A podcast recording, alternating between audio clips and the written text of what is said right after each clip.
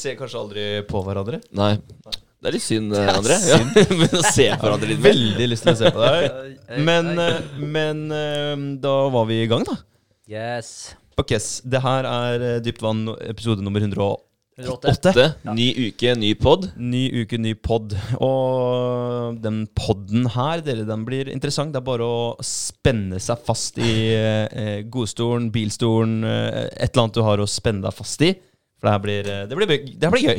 Som alltid. Det er bra. Ja, det er som regel uh, gøy. Og det er som regel uh, Om jeg får si det sjøl, kanskje litt farga, at jeg sitter her og prater sjøl, men mye, mye bra innhold. Ja.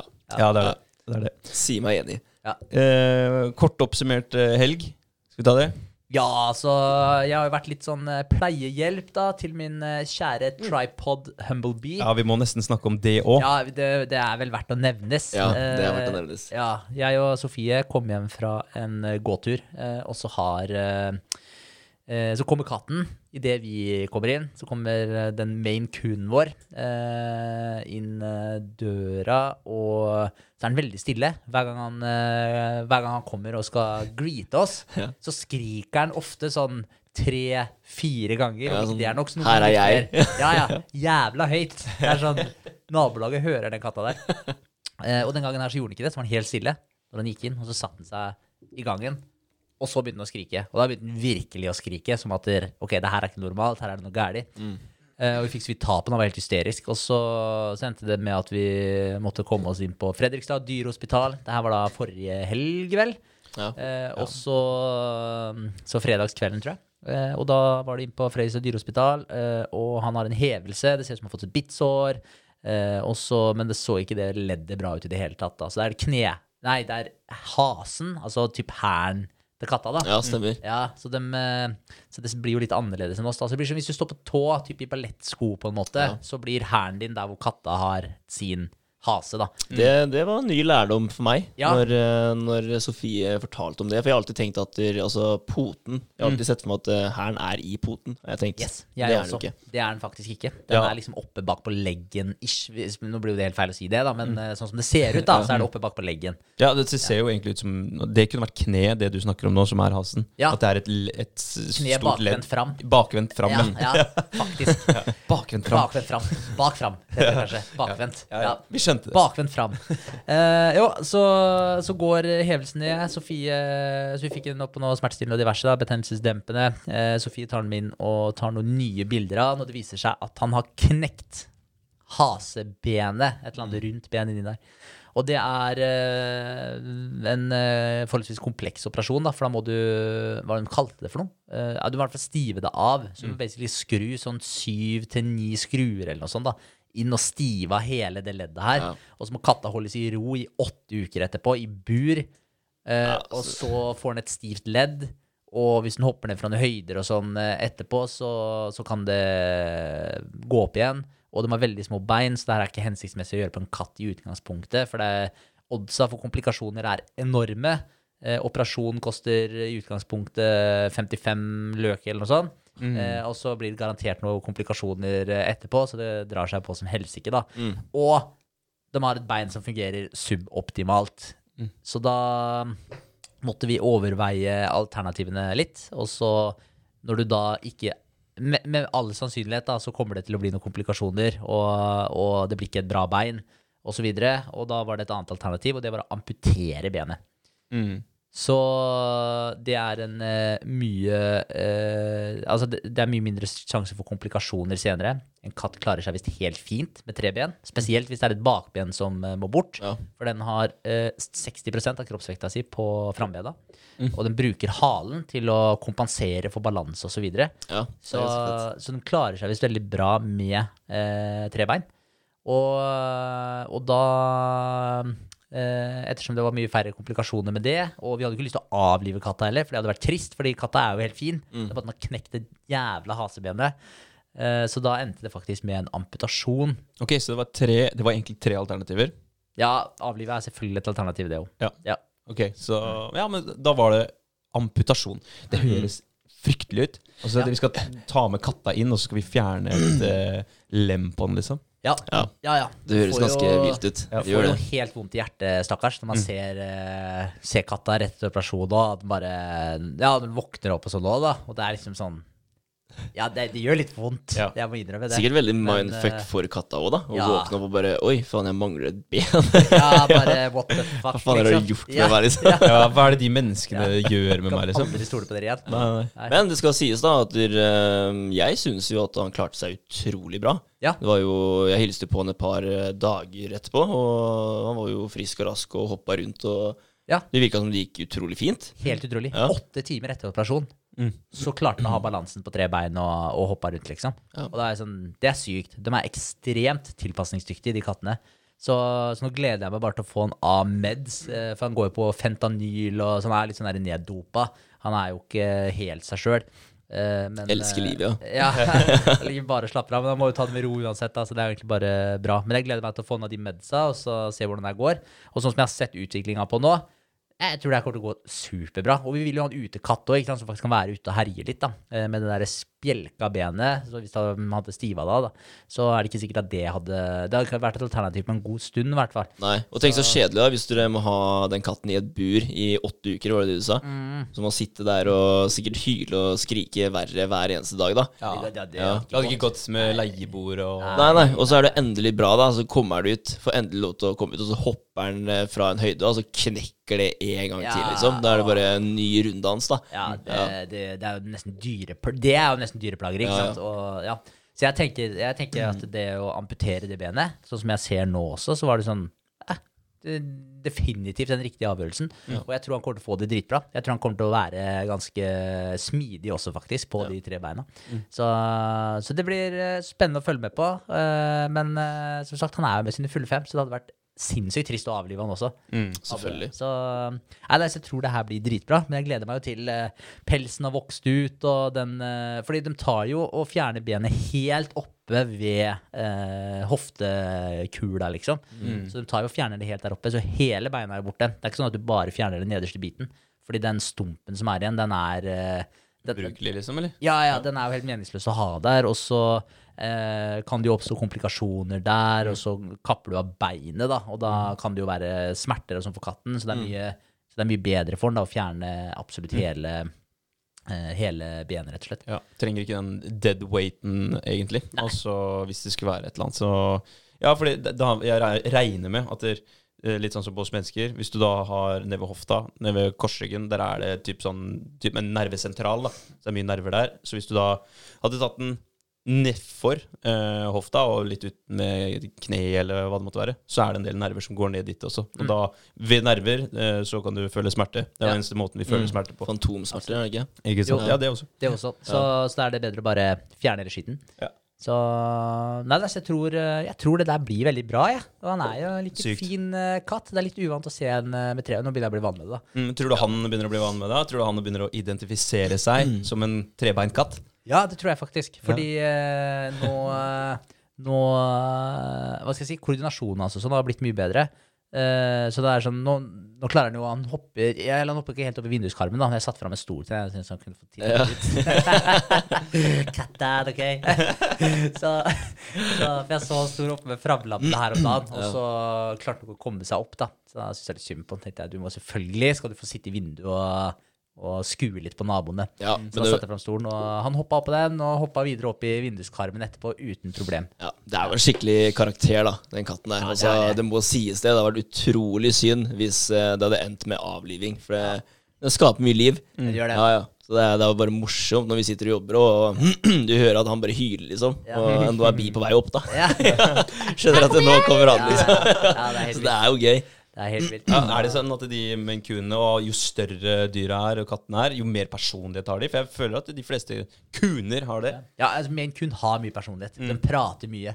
Så, Ja. ja, så det er helt normalt at en Maine Coon eh, prater mye. Og det gjør jo han der. Uten tvil. Definitivt. Ja. Er, Ja, jeg syns det er morsomt, det. Ja, det er, det, er det. Det er det. Definitivt. Det er ikke artig når han står på utsida av soveromsdøra di og gneller og maser om at du skal stå opp, men uh, da er det bare å ha en dør, to dører imellom, så går det veldig fint. Ja. Ja. Lærer seg noen triks etter hvert. Lars Henriks. Ja. Nei da, så, det, så det har gått en del til uh, pleie av han, da. Det, det skal sies. Så Ja. annet enn det så har det jo vært litt uh, jobbing, selvfølgelig. Med skrevet en del på søknad på Innovasjon Norge. Vi driver jo og henter inn uh, litt cash. Ja. Matche det, og det er veldig moro, for nå har vi faktisk på papiret eh, 800 000 Ja. som vi skal matche det lånet med. Og så har vi, så forhåpentligvis, kanskje vi får inn 200 000 til. Og da er vi klare til å sette i gang med neste del av Equip. Yes! I års, Utrolig, utrolig spennende. Ja, det er det er det. Jeg er kjenner at det, er utrolig gøy å ha klart å hente opp eh, de pengene der. Mm. Og ja, høre hva folk tenker. Og så bare få den bekreftelsen av, av at noen faktisk stoler på det du gjør. De tenker at det her kommer til å gå bra. da. Ja. Ja. Jeg kommer til å tjene penger på det de gutta her gjør. Det er et, Det, er- det er morsomt. det er et, eh, hva skal jeg si, et ganske en stor statement. Det er en, eh, et kompliment uten like, og så er det et ansvar. Ja. Det er et stort ansvar, og det er jo det man trenger når man skal få til noe, at man må stille seg sjøl ansvarlig. Og det gjør dere Det er kanskje det mest ansvarlige dere stiller dere noen gang, øh, dere noen gang da. Fordi at det det her er, er første gang dere får noen andre sine penger i deres hender, sånn av stor eh, verdi. Det er det. Og etter hvert så vil det bli sikkert flere ganger og større beløp, men da er dere litt mer vane med det. da. Absolutt. Så det her er, eh, det her er bra, altså, gutter. Ja. Det er deilig, for vi er jo supermotiverte fra før. Eh, og vi har jo kjørt på med de greiene her nå et eh, par år. Og det er jo selvfølgelig en del eh, slag i trynet. Man må pivotere litt her og der, finne litt nye vinklinger. Prøve å løse de problemene og komme seg videre, da. For det er jo, det er jo ikke noe enkelt. Og da Men å da holde på i to år og ha like mye motivasjon som vi hadde når vi starta, jeg tenker at det også er en statement overfor de som vi faktisk eh, får penger av nå. Veldig. At de eh, ser at ikke vi slutter med en gang vi får litt motgang. Altså Motivasjonen blir jo større da, nå som man eh, faktisk får inn penger. Da. vi har holdt motivasjonen hele veien. Og den, er, den har selvfølgelig gått eh, litt opp og ned, men jeg føler at vi har klart å holde den jevnt. Et jevnt bra trykk eh, hele veien. Altså. Men nå som vi har kommet dit vi har kommet nå, eh, og folk faktisk stoler på det vi gjør, så vil jeg si at motivasjonen bare pumper seg opp i skyene. Altså. Ja. Det, det gjør den. Sykt boost. Ja. Ja, det er helt fantastisk. Det er Veldig. dritkult. Også når den personen du pratet med, som vi pratet med sist nå, som sier at, der, at de ja, de 200 000 som den personen skal inn med, da, eller 210, de Altså, jeg kan Jeg kan uh, få mye fint. Mm. Jeg kan kjøpe mye fint for de pengene her. Mm. Jeg bare Det er, eh, det er helt sant. Men uh, du kan kjøpe mye fint for de eh, summene ekstra du kan få av den investeringa her også. Mm. Så, men det er sant. Det, han kan kjøpe mye fint for de, de pengene. Så, så det er en tillitserklæring. Mm. å, det er det. og faktisk eh, investere og vise at du har uh, troa på noe, og ikke minst noen. Mm. Og da og er det som jeg sa til den personen også, at der, uh, tro meg, skal jobbe stumpen av oss Mm. for å gjøre så du kan se tilbake på det her om noen år og tenke at det var en ekstremt god avgjørelse av deg å ta. Mm. Og det skal vi faen meg gjøre. Det kommer bare til å bli morsommere. Det, det er det som er. Det kommer til å, bli, det kommer til å gi oss så mye mer å jobbe du, du vil jobbe hardere med det her nå. Ikke sant? Det er jo det det er.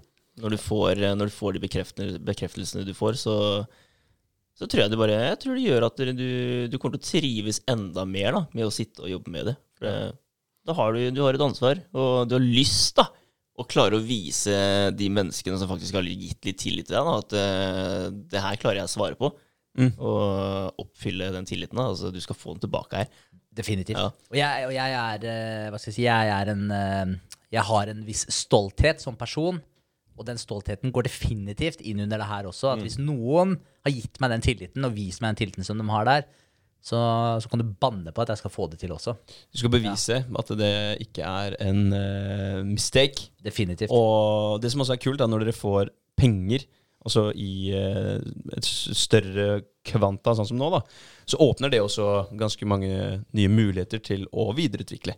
Da er det lettere å ta, eh, ta noen valg som ikke er så lett å ta når man ikke har penger. Ser jo det bare på eh, småsummer som 20 til 15 10 25 000. Hvis du bare plutselig får inn det, så bare åh, yes, da kan vi endelig eh, kjøpe inn det, for det trenger vi for å få til eh, noe annet, da. Ja. Det er uh, utrolig Veldig sant. Ja, man får en helt annen uh, fleksibilitet, og man har uh, noen helt andre muligheter. Så det som er kult også med det jeg og Vegard har holdt på med nå, er jo at vi har jo på en måte lagt hele grunnlaget. Det eneste vi har mangla nå, det er kapitalen for å få satt i gang de greiene her.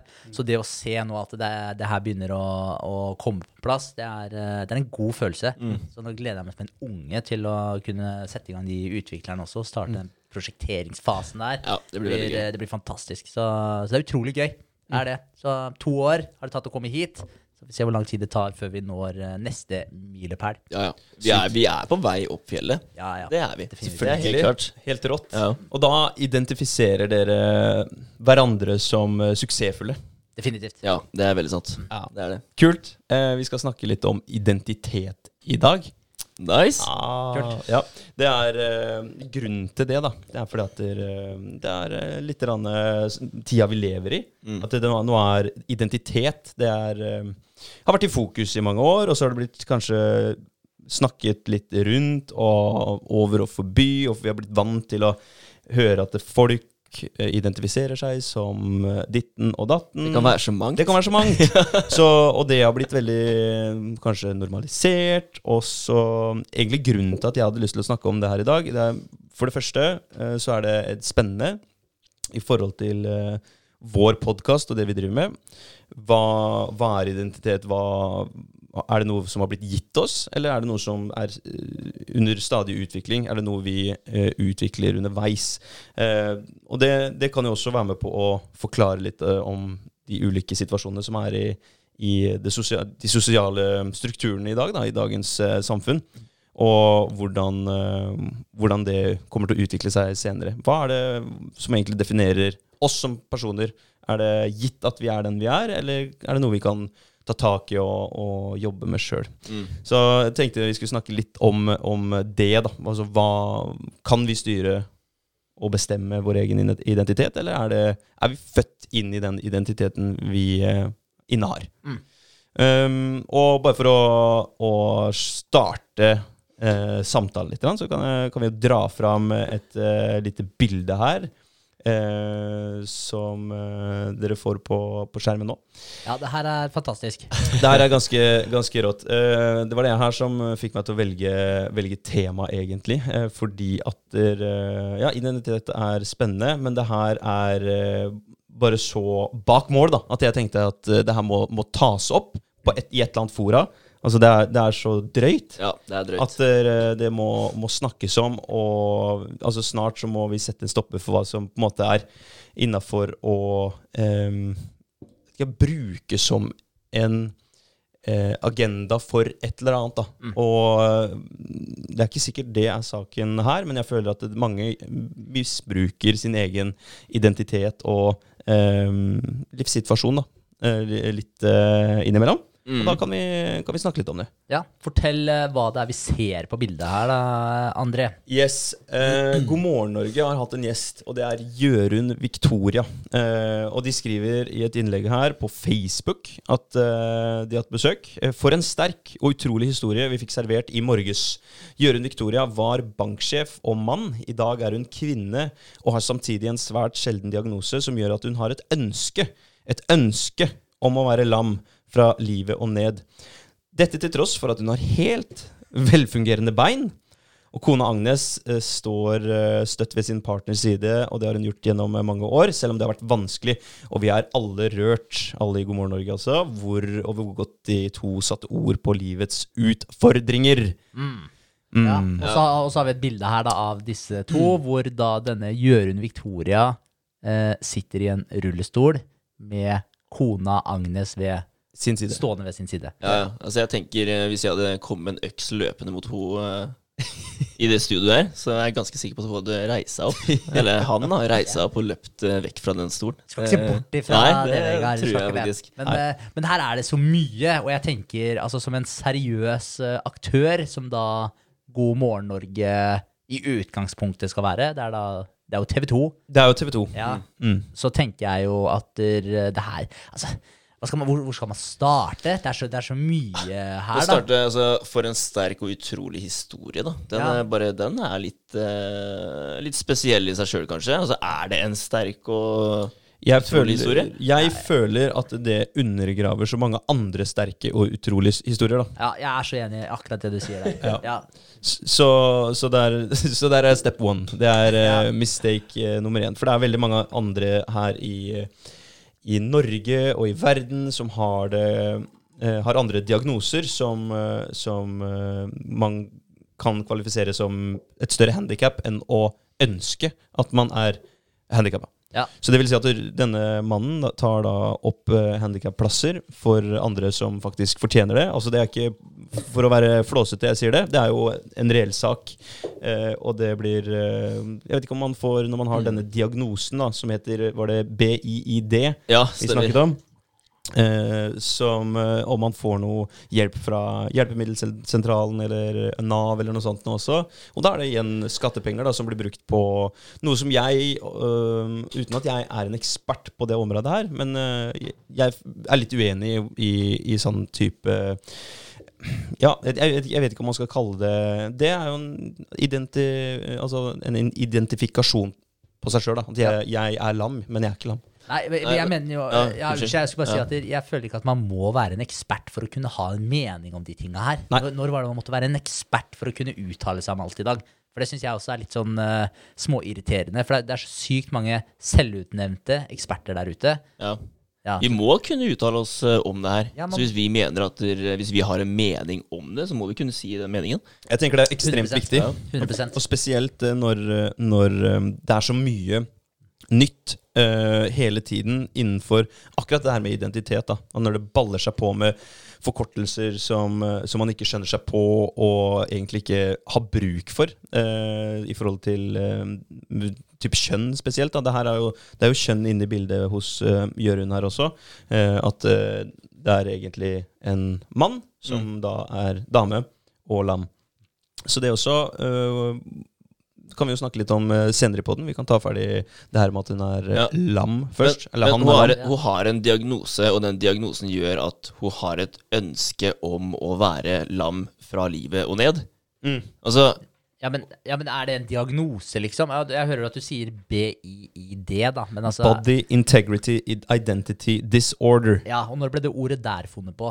Det er sikkert her Ja, ja, det er i forgårs. Ja, Ja. ja, det fordi- måtte bare ha et eller annet å sette navnet i den eh, Ja, det er faktisk en øh, fra 09, den artikkelen her. Så det er ja. hele 12 eller 11 år. Ja, Men åkke som, da. øh, BIID. Jeg også føler vel at det, det at man har et ønske om å være lam, det er jo et ønske. Ja. Da, det, da handler det om en eller annen uh, ja, psykososial uh, atferdsvanske eller et eller annet problem som har med, med topplokk å gjøre. Da. Ja, ja. Ja, Altså, ja. 100 Og det er det jo. Definitivt. Så det er jo en eller annen psykisk eh, vrangforestilling. 100 Ja. Man kan jo ikke kalle det noe annet. Ja, Du må gjerne sette navn på det som BIID og osv. Men det er jo en det det er jo en, en eller annen dysfori her. da. Altså Det er som du sier, det er en vrangforestilling. Det er jo, altså Du kan dra hvilke som helst steder, da, med mindre du er i et privilegert land hvor du har en stabil og fin økonomi, og hvor du egentlig ikke har noen store problemer. Spesielt ikke hvis du har vært en tidligere banksjef og sikkert håva inn nok av cash. Og, så, og, så, og da kan du sitte etterpå da og, og hva skal jeg si, ta på deg Jeg vet ikke, jeg føler til slutt at det her koker ned til oppmerksomhet også.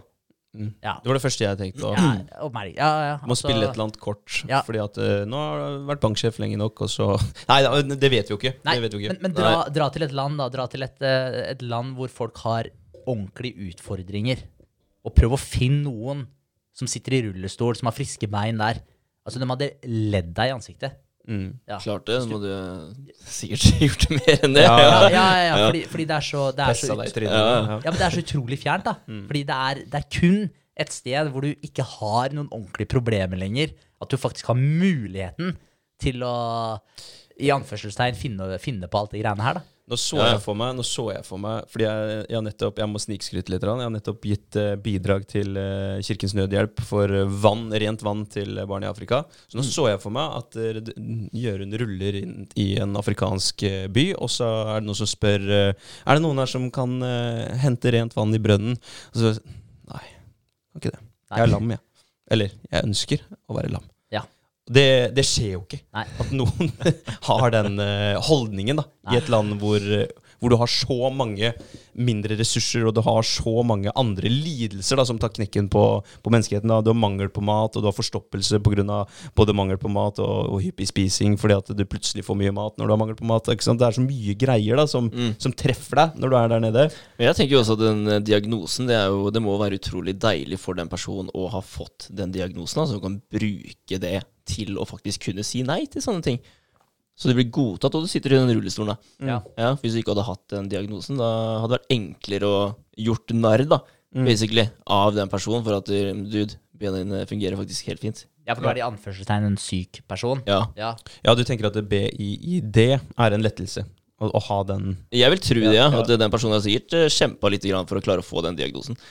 Ja, ja, ja, helt Ja. sikkert. Men uh... Jeg vet ikke, ja, hvis, altså, hvis vi skulle gjort det sjøl, da. Hvis vi skulle um, funnet ut at vet du hva, jeg trives best i, i senga mi. Uh, så jeg har et ønske om å være lam fra, fra Nakken og ned. og. Ja. Mm. Så hadde det vært en telefonsamtale til, uh, til legen. Ja, det kan hende at det hadde vært et par, tre, 20. ja, jeg tenker det burde være noe utredning her. Du burde være ganske standhaftig. Altså, Kudos til Jørund, da. For hun må jo åpenbart ha vært eh, ekstremt standhaftig eh, med den rullestolstillinga her. Fordi hun har jo fått diagnosen. Jeg tror ikke det skjer etter to telefoner. Det tror jeg ikke.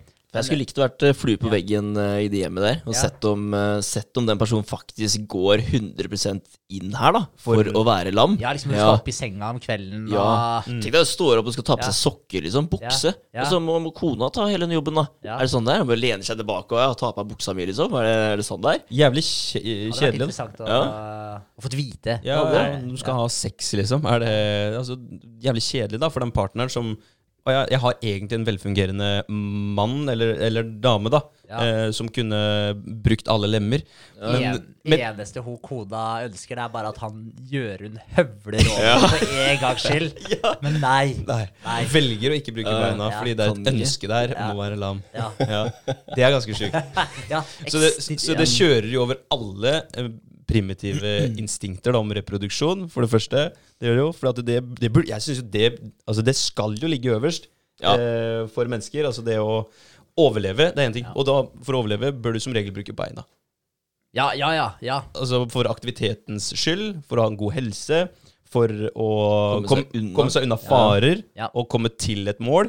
Eh, Så alt innenfor overlevelse tikker jo inn med å bruke beina dine. Men der er du tilbake med det igjen. ikke sant? Vi lever i et samfunn som er så beskytta. Det er så bra. Altså, vi har det så bra i dag. Vi trenger ikke beina. Nei. At du faktisk kan komme deg unna med å ikke bruke beina dine. Kan. Men altså Ja, kan, men, ja. ja, men, kan men- rulle jævlig fort, da. Men det er, altså, det er det som er problemet i dag. Altså, det er at vi, eh, alle disse, som du sier, altså, alle disse overlevelseshandlingene som vi var nødt til å utføre før. Hvis ikke hadde du faktisk ikke mat på bordet. Hvis ikke du gjorde innsatsen din, og hvis ikke du bidro til eh, stammen din, så var det, da var det shame on you. Ja, ja. Så Step up gamet ditt. Altså, vi er jo på vei til å bli helt handlingslamma, da. Ja, Vi er jo det. ja. ja. Ja, tenk deg generasjonene etter uh, Jørund, da. Når uh, den personen bare Nei, trenger ikke bein for å komme ut av, unna noen uh, skumle mennesker. Og ungen der igjen blir jo lært akkurat det samme, at det går helt fint. Det er ingen som kommer til å skade deg. ja. Ja, Når det først skjer noe da, så da har jo den personen null kontroll da, på hva den skal gjøre. ja. Ja. Men, men det tenker jeg litt også, i forhold til hva, okay, hva er det man skal promotere overfor barn i dag? Man skal jo gå foran som gode rollemodeller. Og jeg tenker altså når TV 2 presterer å, å omtale det her som en Hva var det? En sterk og Rørende eller gripende? Utrolig Ja. historie. Eller, Ja, ja. ja, sånt. sterk og Ja, ja. utrolig historie. Kan få den opp igjen her nå. Ja, så Sterk og utrolig historie. Sterk og utrolig historie. Altså Når det her er en sterk og utrolig historie, hva, Mm. hva slags signaler sender du til resten av samfunnet da? Altså For meg det er en sterk og utrolig historie. Det er jo en eller annen som har gått i bresjen i krigen og bare overlevd, redda kamerater og, og felles uh, soldater. Og, og du har vært basically en krigshelt, da.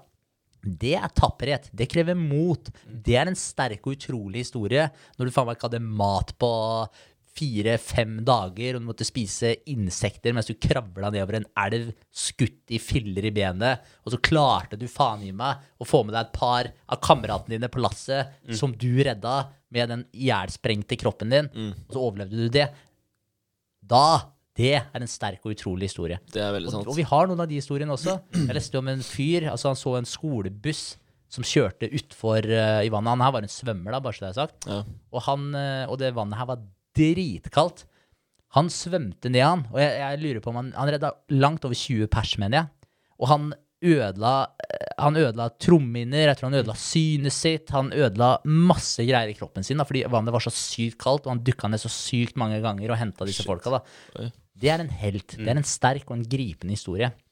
Altså, Jørund, unnskyld meg, du er sikkert en ålreit uh, person og alt det her, det har ikke noe med det å gjøre, men at TV 2 da fronter det her som en sterk og en utrolig historie For, for meg, så jeg, jeg syns helt ærlig talt det er provoserende at det er klistra på, på si, forsida til TV 2.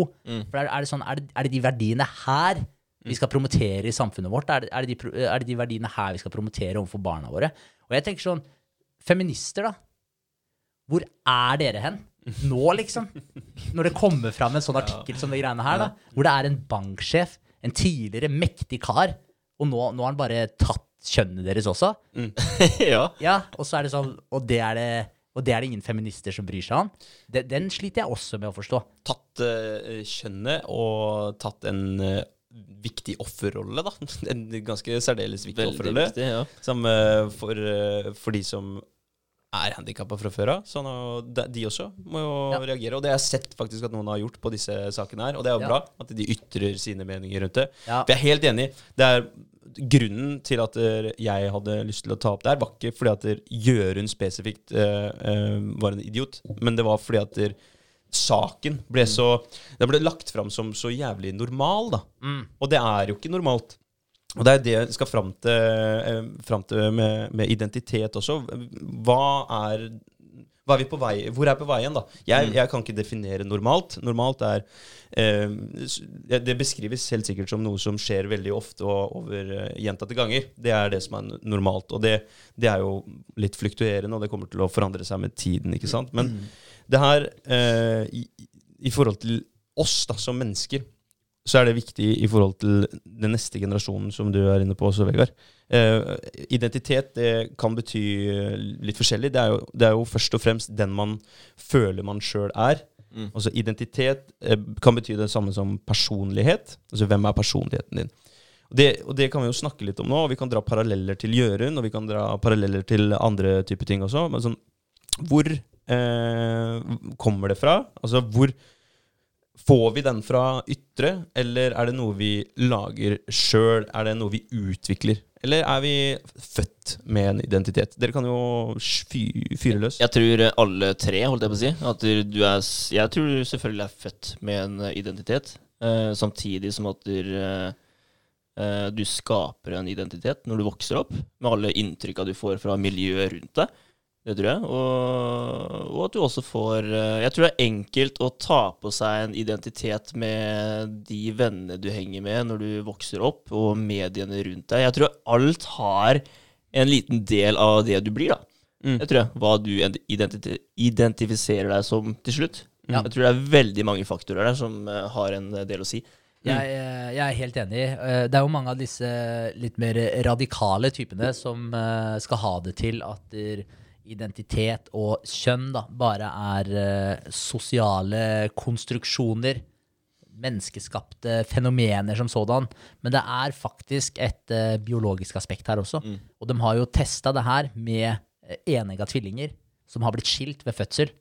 Ja. Eh, og så testa diverse sånne type personlighetstester, IQ, Mm. og, og, og de utvikler seg ekstremt likt, selv om de da er eh, skilt fra fødsel. ja, for da har du den blueprinten, da. Yes. Ja. Så, så, så det er definitivt et biologisk aspekt inn i bildet. Eh, det er der, det også. Selv om eh, det er noen som skal ha det til at det ikke er det, at det bare er sosialt, og man kan gjøre hva man vil av de greiene her. Eh, men, eh, men det er faktisk ikke tilfellet. Eh, det er som du er inne på, Vegard, det er garantert en blanding av alle disse her. Men det er viktig å også anerkjenne det biologiske aspektet. Eh, så, og det har blitt bevist, som sagt, med slike tvillingstudier, for det finnes det rimelig mange av, faktisk. Så, så ja, det er et biologisk aspekt der også. Men ja, det er et sosialt samfunn er med å forme deg. Alle rundt deg er jo med å forme deg. Og da også tenker jo jeg at da, jeg, jeg tenker jo at det er litt fucka hvis Altså, se om eh, barna dine, som da åpenbart er formbare, de prøver å finne ut av identiteten sin, finne ut av hvem de er, og hva de skal bli når de blir større, osv. Mm. Hvis ni av ti eksponeringer de får, er fra tankesettet til Jørund jeg, jeg vil ikke at ungen min skal ha ni av ti eksponeringer som kommer fra Jørund. Og det er ikke noe at jeg er sånn personlig imot Jørund, men jeg vil ikke at du skal være den karakteren som har størst innflytelse på barnet mitt. For jeg mener at den approachen som du tar til livet her, den, eh, den er ikke veldig bærekraftig om majoriteten av menneskene på planeten her skulle tatt den samme approachen. Da, da dør vi ut, da.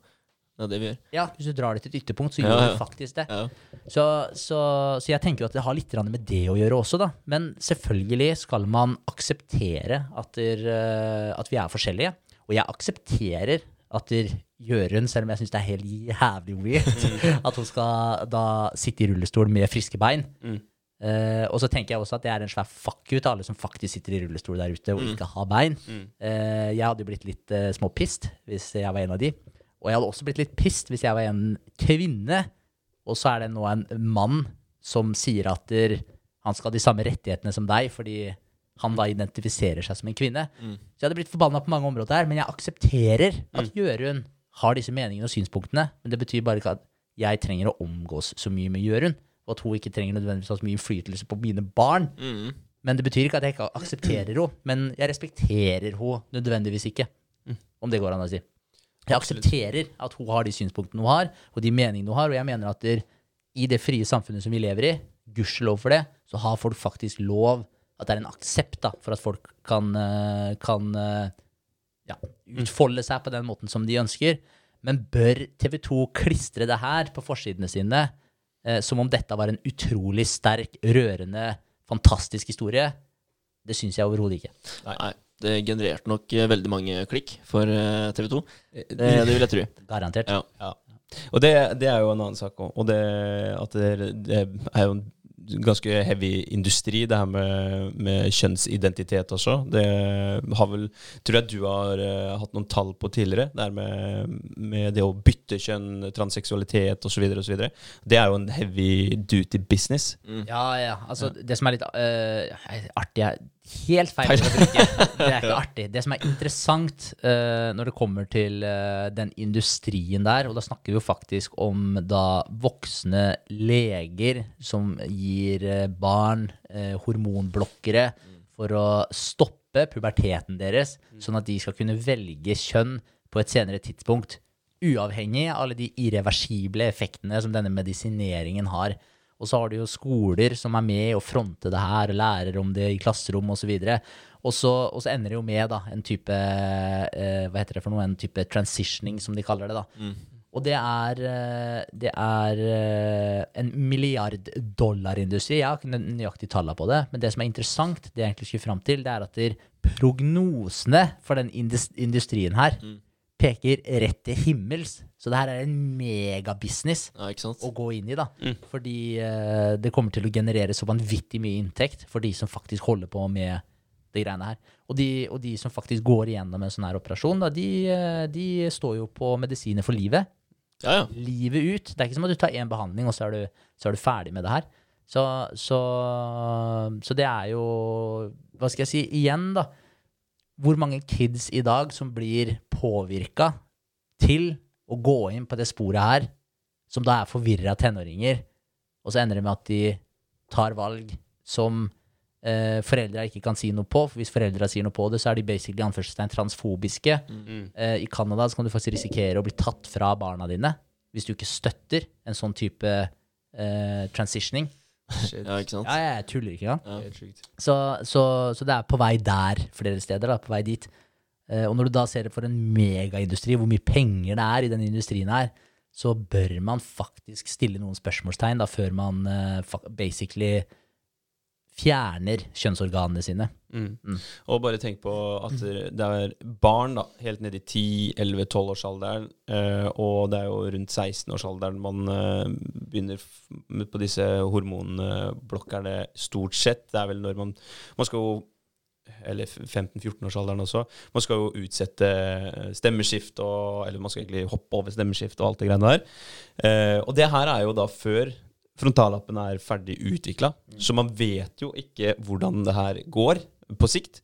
Og så fratar man jo seg sjøl og barnet sitt, hvis man er med på, på den leken her, muligheten til å utvikle seg eh, mentalt, da. Altså psyken sin, helt ferdig, før man tar et så drastisk valg som er irreversibelt. Jeg vil regne med det, at du, du går ikke gjennom flere sånne prosesser i løpet av livet ditt. Absolutt ikke. Nei. Så det, du, du gjør et, eh, et valg da som du aldri kan undo igjen, som, eh, som med det meste vi gjør også. Men vi kan, eh, det er enkelte ting vi kan uh, gjøre om igjen, uh, men ikke det her. Mm. Det er ganske sjukt. Ja, det er akkurat det det er. For det, det er det man må tenke litt på. Da, at det her er faktisk et valg du ikke får tatt tilbake. Du kan ikke bare angre om to år og tenke nei, det her var en eh, fase i livet. Mm.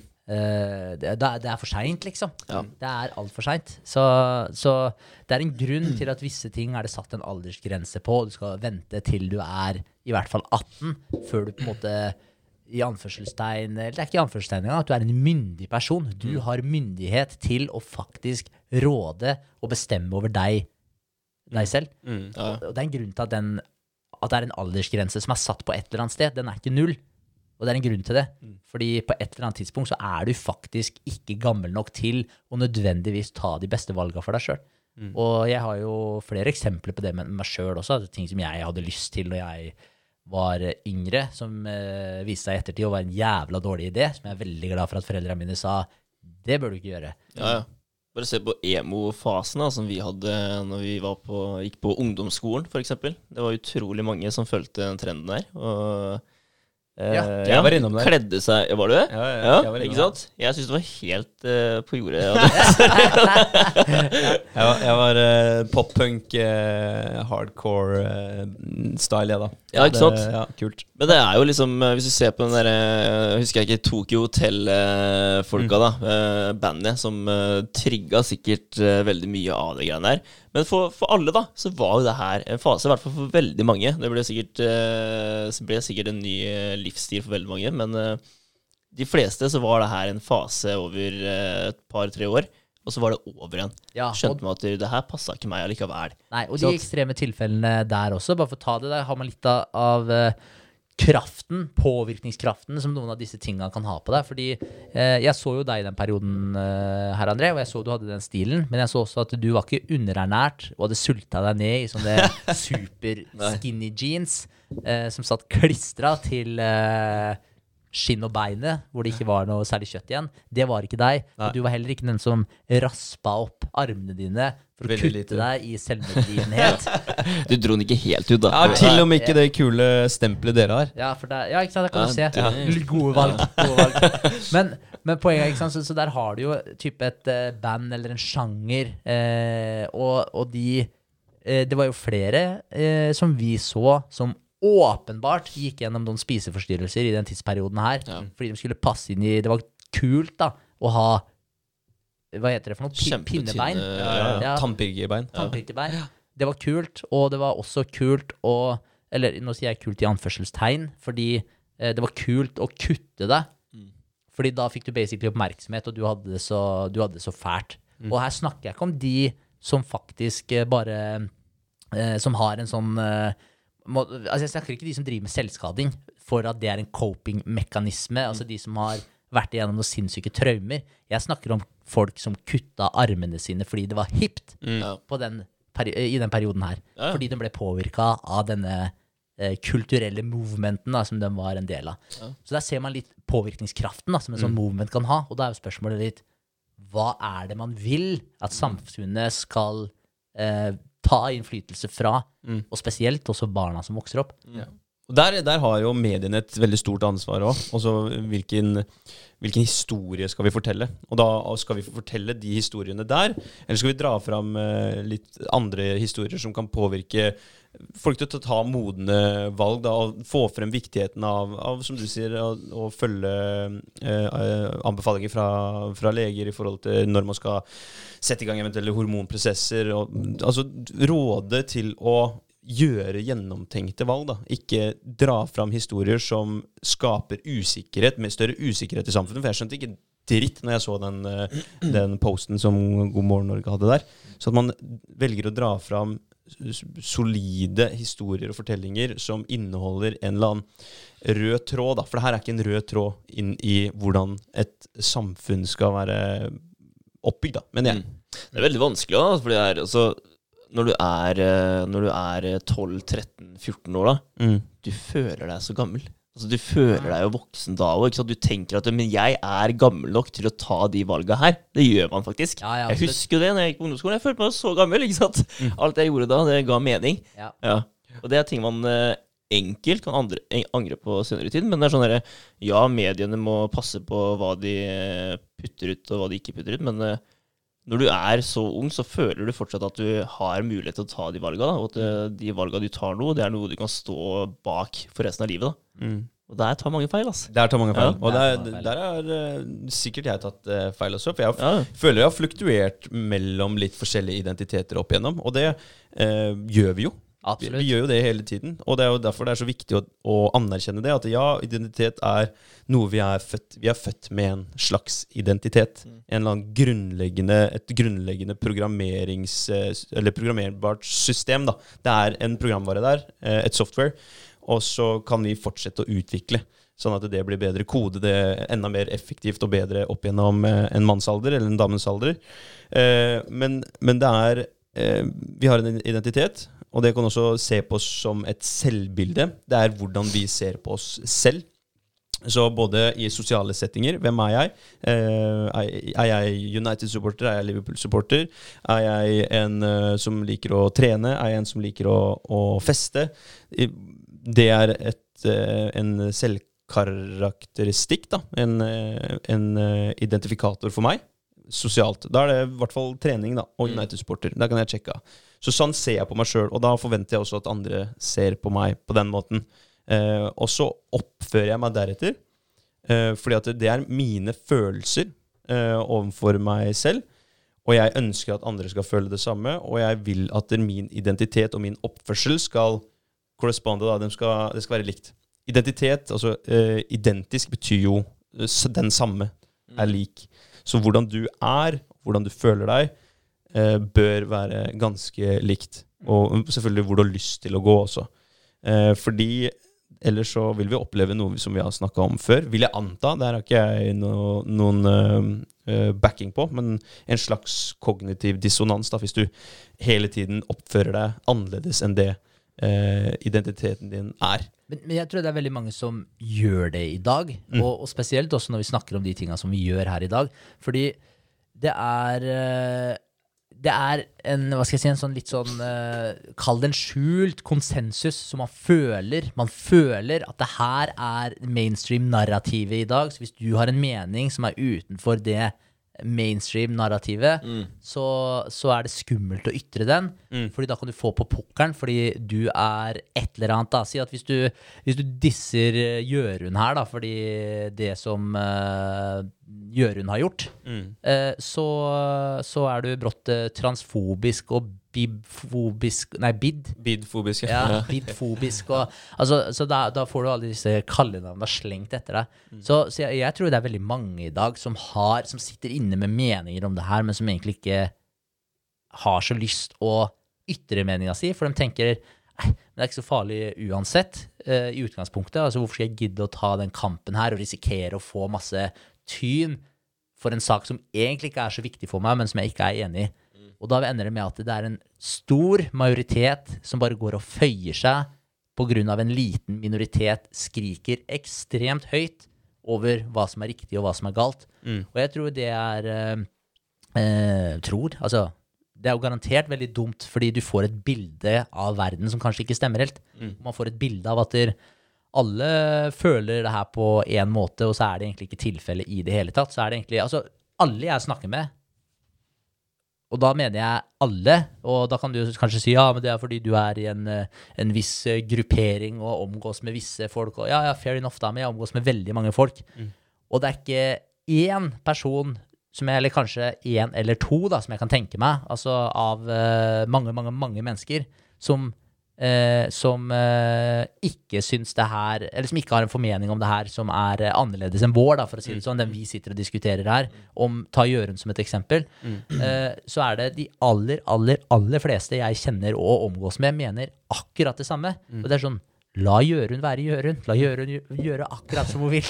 Men bare ikke push den greia her over på andre, og ikke kall det der normalt, og ikke kall det en sterk og gripende historie. For hun har gjort alt de greiene her sjøl. Nå kalte jeg hun også, og det også er jeg faktisk imot. ja. Ja, for da vil jeg heller kalle den personen her Jørund. Jeg kan kalle det navnet, men jeg ønsker heller ikke å kalle det for en H. For i mine øyne så er det faktisk ikke det. Nei. Nei. Så, men uh, som sagt, jeg tror majoriteten, eller jeg er egentlig nesten helt sikker på at eh, majoriteten mener akkurat det samme som vi sitter her og prater om, men at det er eh, få som ønsker å ytre det, for de ønsker ikke å ta den kampen. Nei. Så er de redde for å få den, den haten tilbake, for å si det på den måten. Og der har du litt det her med kommentarfelter og sånn òg. For der også kan du jo lese, og så kan du tenke innimellom at der, Shit, er det bare jeg som, uh, som føler det på den måten her? Er alle, liksom, det virker som at alle bare er enige. Men da er det igjen, hvem er det som sitter og kommenterer i kommentarfelt? Det er jo folk som har veldig sterke meninger om en ting. Ja, ja. Så enten så har du de som har veldig sterke meninger imot en ting, eller så har du dem som har veldig sterke meninger for den tingen. Og det er alltid lettere å støtte en ting enn å være imot en ting. Når åpenbart hele TV 2-artikkelen er pro den saken her. Så, så, så det er liksom sånn, så jeg, så jeg tror at man får et veldig falskt bilde da, av hva den faktiske meningsoppfatninga i samfunnet er, når man sitter og leser i disse kommentarfeltene, når man får, eh, får inn eh, bilder fra nyhetene, og, og det her ikke blir diskutert på en ærlig måte. Ja, og så tror jeg vi snakka litt om det med en episode tidligere òg. Det er i forhold til de som roper høyest, og de som står liksom på barrikadene med altså pro, protestanter. Da, de som har protester, arrangerer det utenfor eh, eventer eller utenfor dyrehager eller hva det måtte være. De som skriker høyest, er jo som regel en eller annen minoritet, som du sier også. Og de som er litt mer likegyldig, de er sånn Ok, jeg syns ikke det er så kult at der, eh, de delfinene svømmer der inne, men altså, jeg har, jeg har ikke så sterke meninger at jeg gidder å, å stå opp for akkurat de akkurat nå. Men donerer kanskje 50 dollar til et eller annet, eh, en eller annen eh, gruppe da, som støtter, støtter disse. Så jeg tror det er, det er gjengs da, når det gjelder sånne typer saker, at majoriteten er egentlig ikke uh, for den ekstreme de ekstreme protestene, men de har heller ikke så sterke meninger da, at de gidder å gjøre noe motsatt vei. Så da vil du jo få en side av saken som, som er veldig, veldig sterk og veldig hard. Og det er veldig, oi shit, det er veldig mye meninger rundt uh, akkurat det her. Uh, og så godtar man på en måte det, da. Og da er det vår feil, da, vi som er mer Kall det likegyldig. Det er kanskje ikke riktig ord å si, men vi er litt mer liberale til ting. At det, ja, men hva, de skal få lov til å gjøre som de vil. Uh, jeg syns ikke det er normalt, men uh, la det gå, da. Innimellom så må man kanskje sette ned foten og si at hallo, vi kan ikke dra det her så langt, liksom, for det kan få konsekvenser. da. Ja. Ja. Når, vi, når vi er inne på det, da, i forhold til eh, altså selvbildet å finne sin identitet Det er- handler om å, å opptre sånn som man føler er i tråd med sine egne følelser og tanker og ideer. Eh, og at man kan da forandre litt på den identiteten i løpet av livet sitt. Eh, og så tenker jeg på eh, det her med kjønnsidentitet. Da. Det er jo en persons subjektive formening om å tilhøre et bestemt kjønn. Ja. Eh, og da er vi inne på, på dypt vann. For vi er tydeligvis Jeg visste ikke at det er eh, fantes engang, fordi det, det er så langt det har gått.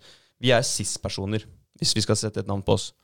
Fordi det er eh, en person som identifiserer seg med det kjønnet vedkommende ble født med. Altså en person som har kjønnsidentitet som samsvarer med deres kjønn tildelt ved fødsel. Så det er, Så vi er cis-personer, altså? Vi er altså. cis-personer. Ja. Ja. Så det, er, det, det, det måtte vi definere, ikke sant? Jeg følte Jeg var litt usikker på jeg var oppi hele den, uh, hele den bøtteballetten her. Sissy, kanskje? Er det, er det en joke, eller? Jeg tror ikke det er en joke. Sissys? En CIS-person. Ja. ja, jeg har hørt det begrepet mange ganger uten at jeg har hatt en peiling på hva det egentlig betyr. Nei, eh, ikke jeg heller. Jeg har også hørt det, og ikke hatt, uh, hatt en snøring. Men jeg syns det var interessant, fordi jeg, det er mange ting jeg ikke vet hva er. Uh, sånn som å identifisere seg uh, som altså intersex. Visste jeg ikke helt uh, hva var.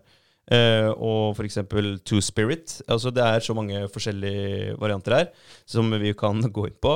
Uh, for LG TBQIA2S pluss. Det er den eh, forkortelsen for eh, seksuell orientering. Forkortelse, sa du? Ja. Ja. Pun absolutely intended. Ja. Akronym. Ja. Um, som jeg fant, som er, er eh, den lengste som jeg har funnet hittil. Fordi jeg, jeg hadde alltid trodd det var LGBTQ. Eller L, det var først LGBT. Det var jo so last year, André. Ja, ikke sant? Og nå er det da BQIA2S pluss. Ja. Ja. Så vi kan ta det, da, eh, hvis dere er nysgjerrige nysgjerrig. Det er lesbian, gay, bisexual, transgender, queer and or questioning, intersex, asexual, two-spirit. Og så kommer det plussen, da, som er de andre utallige måtene som folk velger å identifisere seg på. Ja, Så vi kan egentlig være hva enn vi vil, da. Yes. Men, der, men der har de jo altså, der er, Det er så bra oppsummert. Jeg digger at de har slengt på en pluss på slutten der. Ja, det er ironisk. sånn, ja, det er jo det. Nå skal vi definere det her, og så er det sånn Så kommer det bare flere og flere som du må få innunder den paraplyen og klare å definere. Og til slutt var det bare sånn Nei, fuck it, vi setter på en pluss, da. Så vi så vi bare kan ta med alle sammen. Ja, sjukt, Men, eh, men det, som, eh, det som er litt interessant med det der, er jo at der, hvis du skal ta hensyn da, til absolutt alle, uansett hvordan de føler seg, hva de identifiserer seg som, osv. Så, videre, så hvis du skal ta i betraktning da, alle problemene du har, Vegard, eh, eller alle grupperingene, for å si det, da, som du er inni. Altså, du er en eh, mann av en viss alder, så du er i det aldersspennet av en gruppering. Du er i en viss økonomisk klasse. Du har jo åpenbart en seksuell eh, orientering. Eh, du har en eh, viss eh, størrelse på vennegjengen din. Ja, jeg trodde jeg du skulle si penis. Ja, jeg har venta på den. God damn! Den er svær. You heard it on Dipland. Uh, og så, det, så har du en viss uh, utdannelse, du har en viss stilling. Altså det, er så, det er så mange grupper. Altså du har en geografisk lokasjon. Uh, altså det er så utrolig mange grupper. Hårfargen din, hudfargen din. altså Øya dine, hvilken farge det er på de. Det er uendelig av kategorier da, som du kan plassere deg i, eh, i forhold til hva som du skal identifisere deg som. Og det er jo der Vesten og kristendommen i utgangspunktet knakk koden. For de satt individet høyest. For du, med alle disse grupperingene dine osv., som man kan identifisere seg som, vi baker det her sammen og sier at du er et individ. Eh, så du er ikke lik André. André er ikke lik meg. Ingen av oss er like, men det betyr ikke at ikke vi skal akseptere hverandre. Men vi setter individet høyest i samfunnet. Og det, er, og, og det er det vi har fokus på. Vi har ikke fokus på grupperinger lenger. Vi har ikke fokus på hver enkelt bokstav. Altså LGTBQIA2S pluss. Altså, vi, vi har, som du sier, individet. Vi trenger ikke de der båsene da, for, å, for å hele tiden tilhøre noe som er uspesifikt. Absolutt. Og der knakk faktisk Vesten og kristendommen knakk den koden der. Men nå er vi jo tilbake til denne tribalism, hvor vi skal Du skal passe inn i en eller annen gruppe, og hvis ikke du passer inn i en gruppe, så Ja, da, da er det umulig å plassere deg. Du Da har du ingen, gruppe. ja, da har du ingen tilhørighet da, noe sted, og da er det jo synd for deg. Eller så må vi presse deg inn i en annen gruppe, da. Ja, et eller annet bare for å klare å, å, å sette ord på det. Men, eh, men så det er jo litt eh, trist det også, når vi i utgangspunktet har hatt en ting som er så forankra i samfunnet vårt, og i kulturen vår ikke minst, og så brått så begynner, så begynner det å gå i oppløsning, og så ser du disse Uh, ja, hva skal jeg si, disse andre grupperingene begynne å komme fram. For det er som hvis du har fokus på individet, og du sier at individet er det hellige, og at vi setter individet høyest, vi skal respektere individet, så vil du akseptere alle som er i de forskjellige grupperingene der. Altså Seksuell legning vil ikke spille noen rolle lenger. Åssen hudfarge du har, hvor du er oppvokst, åssen økonomisk klasse du har. Det spiller ingen rolle lenger hvis du faktisk lærer at det er individet som du skal eh, respektere eller akseptere. Mm. Og, og jeg tenker at det, er, det, er det noe som er finere og edlere enn det budskapet der, Nei, det er jo ikke det. Nei. Nei. Det er jo helt eh, Altså, det er jo det mest Det er jo en ideell Hva skal jeg si, et, et ideelt synspunkt fra alle ståsteder. Er du mørk? Er du homo? Er du hvit? Er du Ja, hva som helst, da. Mm. Hvis du vet at alle har samme oppfatning, at det, det spiller ingen rolle. Det er uh, deg som person som er det viktigste. Mm. Det er Ikke, det- ikke akkurat hva du gjør, hvilken, uh, hvilket kjønnsorgan du nyter best, ikke uh, hvilken økonomisk klasse du er i, men det er, det er deg som person. Slipper unna mange fordommer. Ja, ja, ja. Det gjør vi ved å gjøre det på den måten. Absolutt. Ja. Og det her har jo vært en del av kulturen vår i mange, mange, mange herrens år. Men nå så har det begynt de siste ja, jeg vet ikke, siden sikkert type 60-tallet eller noe sånt, da, så har det begynt å bare sakte, men sikkert eh, forvitre og bli mer eh, kaos. Men det betyr jo ikke at det var perfekt før. Men poenget mitt er bare at eh, det, du- man hadde respekt for individet. Det var individet man satt høyest. Det var det som sto sentralt. Og det var det man skulle ha fokus på, ikke grupperinga som du tilhørte. Nødvendigvis. Og så kan folk si at ja, men kristendommen Kristne hata homser og bla, bla. Ja, ja, noen gjorde det. Men det er ikke nødvendigvis sentralt at der, eh, alle kristne der ute er homofober i dag. Bare tvert imot. Altså, det er en e- ekstrem generalisering. Mm. Poenget er bare at man hadde fokus på individet. Med alle de feila og eh, ulempene som det medførte i eh, den settinga som man faktisk så på verden på det tidspunktet her, og med alle fordommene man hadde mot andre grupper, for da var vi ikke like eh, Hva skal man si? Eh, da hadde man ikke like kultur, eh, mange kulturer og personer fra andre land som var integrert i det samme samfunnet osv. Da hadde du liksom mer stammen din, og det var en mer homogen eh, befolkning. Eh, så da var det selvfølgelig litt mer sånn oss versus dem. Vi var ikke så nyanserte, vi hadde ikke så mange nyanser av forskjellige typer mennesker rundt oss i umiddelbar nærhet. Absolutt ikke. Og, og, og, det, og det hadde sine fordeler, men det hadde også sine ulemper da, i forhold til eh, aksept for andre utenfor din egen stamme. Men så må man tenke litt tilbake da, i forhold til at der, uh, før, når du bodde i en eller annen stamme i skogen, hvis det kom en annen stamme da, så var det, Fiendene. det var fienden. Ja. De var der for å ta maten, stjele damene og fucke opp mannfolka. Ja. Det var basically der vi var. Så man må tenke at de greiene her Det sitter jo uh, Altså, det er så integrert da i systemet vårt at det, er- det er ikke noe du bare kan uh, få bort ved å ta en uh, test som viser at du har en eller annen eh, ubevisst fordom som folk skal ha deg til å gjøre i dag. Men eh, de, de hadde til og med Det var ei dame, nå husker jeg ikke hva hun het, men hun forska på sjimpanser. Mm.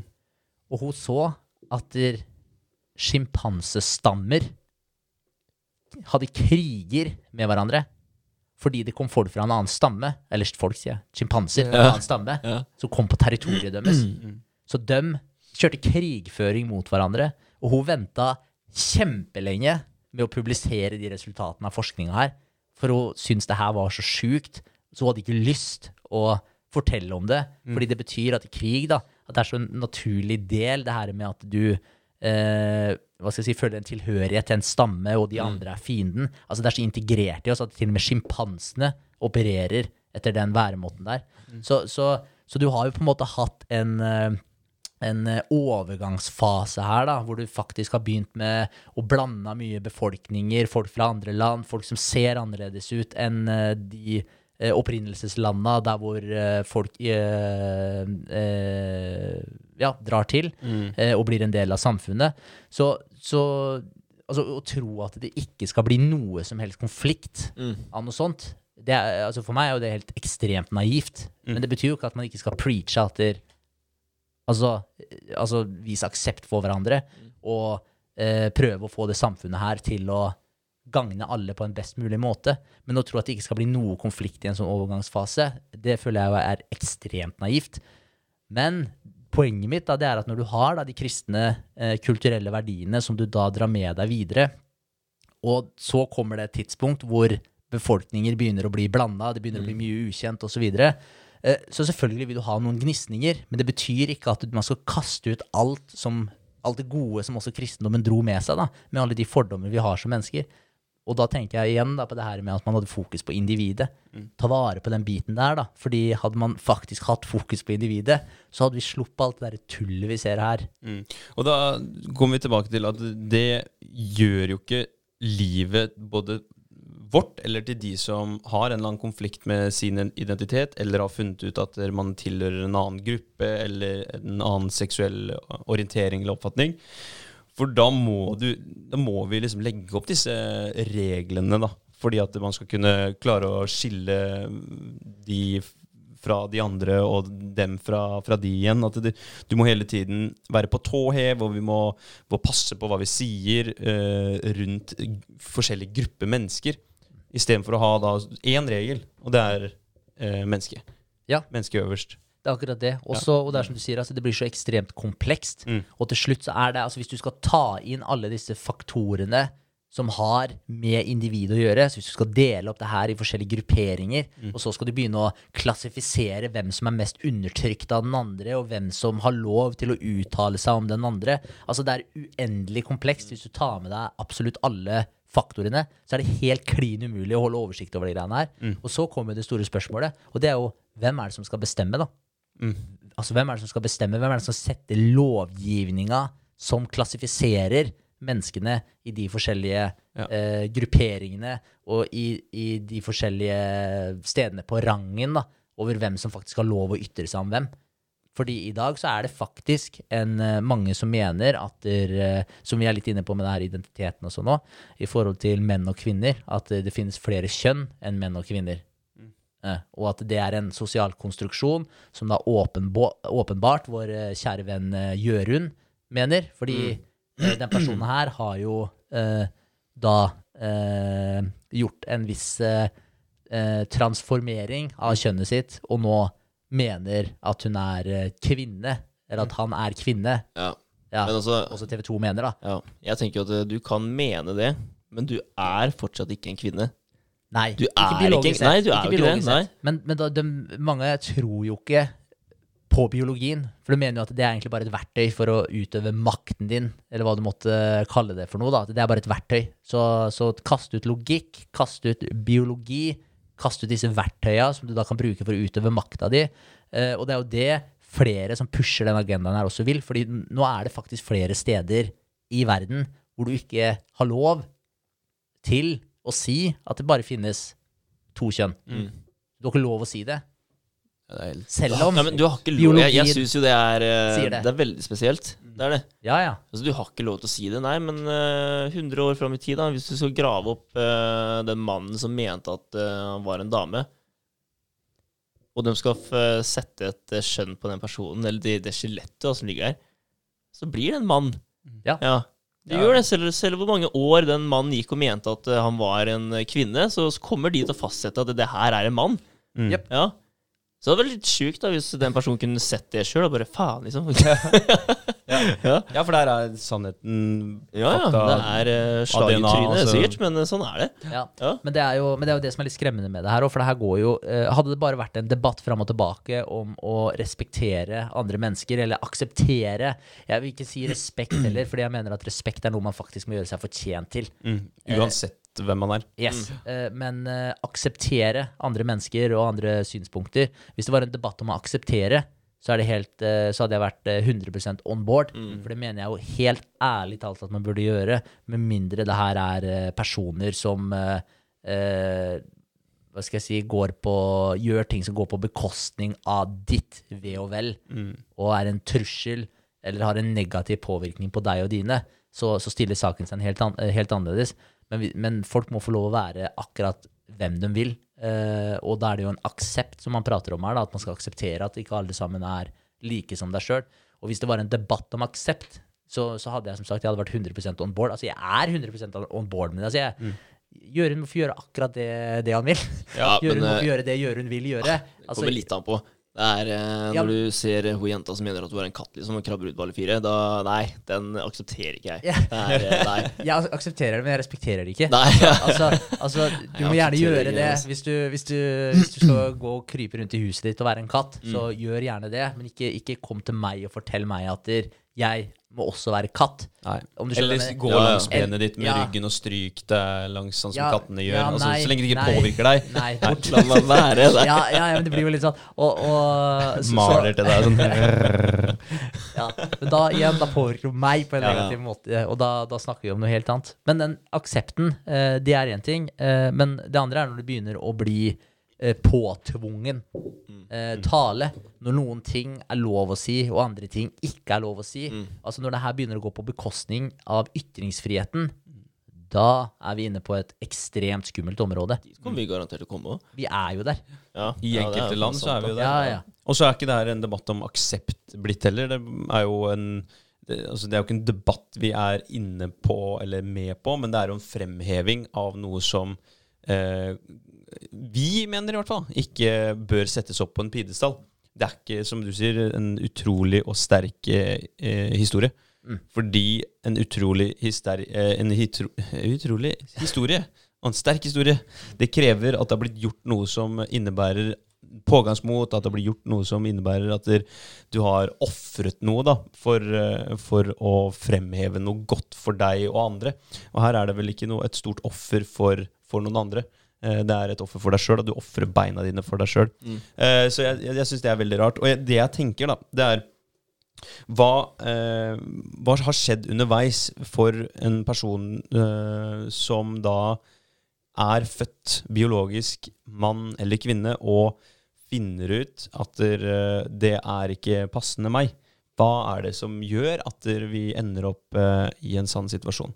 Det, det, vi skulle selvfølgelig snakket med en som har vært, eh, vært innom det. For man hører jo ofte at nei, jeg, føl, føler, meg i feil kropp, eller jeg er født i feil kropp, eller jeg føler meg utilpass i egen kropp. Mm. Men hvorfor skjer det, og hva er det som setter i gang disse prosessene? Jeg tror du kan holde med Hvis det er en eh, ja, liten gutt da som har eh, mange jentevenner på barnehagen, starten av barneskolen det er kanskje, ikke, kanskje ikke det er så mange gutter da i det nabolaget. Utrolig mange jenter. Ender med at eh, han henger med de jentene der og syns det er morsomt å leke med de. Og så kommer det sånne nyhetssendinger da som Jørund, mm. og forteller den gutten der at det det er helt greit å bare bli dame eller jente hvis du vil det. Ja, Det er jo kjempeflott da for den gutten der å bare kunne bli en jente, han òg. Så glir han enda enklere inn i den eh, jentegjengen som han allerede er venn med. da. Tenker jeg. Ja. Ja. Ja, ja, altså jeg tror definitivt du er inne på noe. Fordi altså, du har jo hatt tilfeller av det her lenge før, uh, før uh, nyhetene begynte å promotere Ja. det, og disse magasinene og sånn. Så har du jo hatt tilfeller av det her, men da ble det faktisk kalt kjønnsdysfori. Det ble ansett som en, uh, en egentlig en mental lidelse som du faktisk burde få behandling for. Ikke det at du ikke trengte å gå igjennom med det, da, men åpenbart så må du få noe hjelp da, til å faktisk deale med de greiene her. For du har jo åpenbart, altså hvis man kan kalle noe en identitetskrise, så er det vel nettopp det. Eh, så, så det var jo tilfeller før også. Men jeg er helt enig med deg, Vegard. Hvis du ser på statistikker i forhold til hvor mange som går gjennom en sånn her fase nå, eller en sånn operasjon, eh, og skal bytte kjønn, det har jo eksplodert. Og hvorfor har det eksplodert? Det er jo fordi det er så mye fokus på det. Og så er det noen som vil si at der, ja, men det er jo fantastisk, for nå er det jo virkelig aksept for det, og nå, nå kan folk få uttrykke seg på den måten de vil, osv. Jo da, men det forklarer bare noe av eh, bildet. Fordi hvis du ser på selvmordsstatistikker blant eh, disse personene med kjønnsdysfori, de som faktisk eh, bytter kjønn, da, i an- anførselstegn, de eh, selvmordsratene der er høyere enn jødenes selvmordsprosent under annen verdenskrig. Eh, så de har en høyere selvmordsrate enn jødene under andre verdenskrig. Oi. Det er, bare det i seg sjøl er jo helt, hårreisende. Det er helt sinnssykt. Og selvmordsprosenten er like høy etter endt operasjon som før. Og det forteller jo bare at der, operasjon er ikke nødvendigvis svaret. Altså, åpenbart så er det jo ikke det. det vi, vi, tallene viser at det ikke er det. Så det å male et bilde om at der, det her er eh, den riktige avgjørelsen for alle, alle som føler seg på den måten her, Altså Det er straight up feil, og det kan få helt sinnssyke konsekvenser for de stakkarene som faktisk angrer etterpå. Ja, Det blir litt som uh, medisin mot uh, depresjon, da. Med tanke på den uh, kjemikale... Hva, hva var det på? Eh, Kjemisk Kjemisk reaksjon ja, Ja. I, i hjernen, som ja. viser seg å ikke stemme allikevel. Ja, kjemisk ubalanse, ja. Ja. Det også var jo satt på agendaen nå. Det var en eller annen studie nå som hadde forska på flere titalls tusen eh, personer med depresjon, da. Og viste seg at der, eh, den der kjemiske ubalansen som, eh, som blir fronta, at der, eh, du er et offer da, for hjernen din, rett og slett. Og her er det en kjemisk ubalanse som du ikke kan noen ting for. Så derfor må du begynne på de medisinene her, og så eh, må du gå på dem resten av livet ditt. For det er eh, hjernen din som er fucked. Og det viser seg at det stemmer ikke.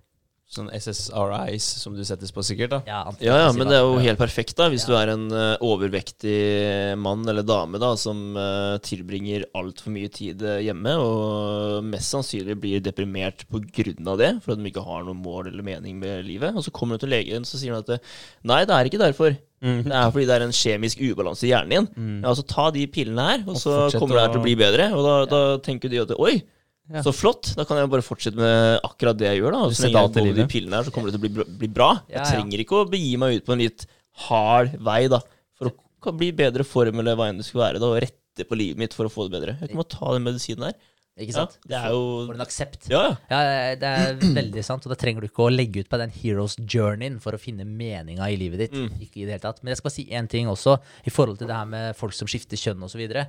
Det, er- det er viktig å påpeke også at for noen mennesker så kan det være riktig, og de kan eh, thrive etterpå og ha det kjempebra.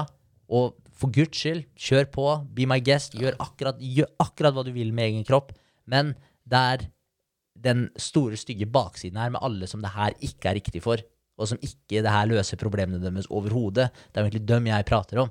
Men det betyr ikke som sagt at det her er 100% av eh, tilfellene. For noen er det det riktige for. Det er signaleffektene da, av eh, normaliseringen. Det er signaleffektene av at folk blir pusha i en retning eh, som kanskje ikke er riktig for alle. Som du sier, Henrik. Det er riktig for noen, og, og ingen av oss er verken eh, transfobiske eller homofobiske eller hva det måtte være. Men det, det handler om at når ting går litt langt, så er det så lett for at det, det derre de dominobrikkene bare fortsetter å, å dytte hverandre over, da, én etter én.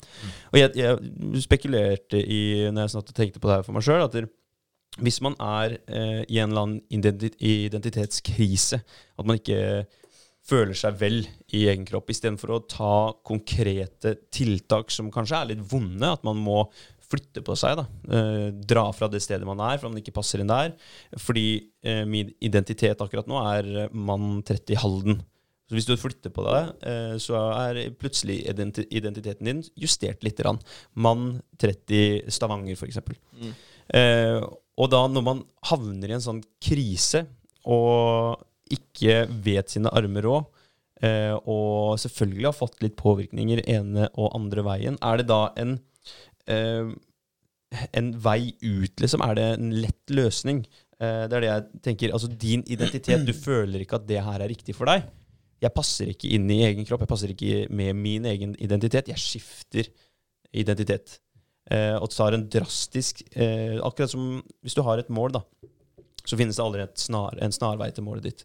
Så for å justere på identiteten vår, for at vi skal kunne matche forventningene for vår egen identitet, så må vi gjøre konkrete valg, og vi må gjøre det om og om og om igjen for å etter hvert nå målet.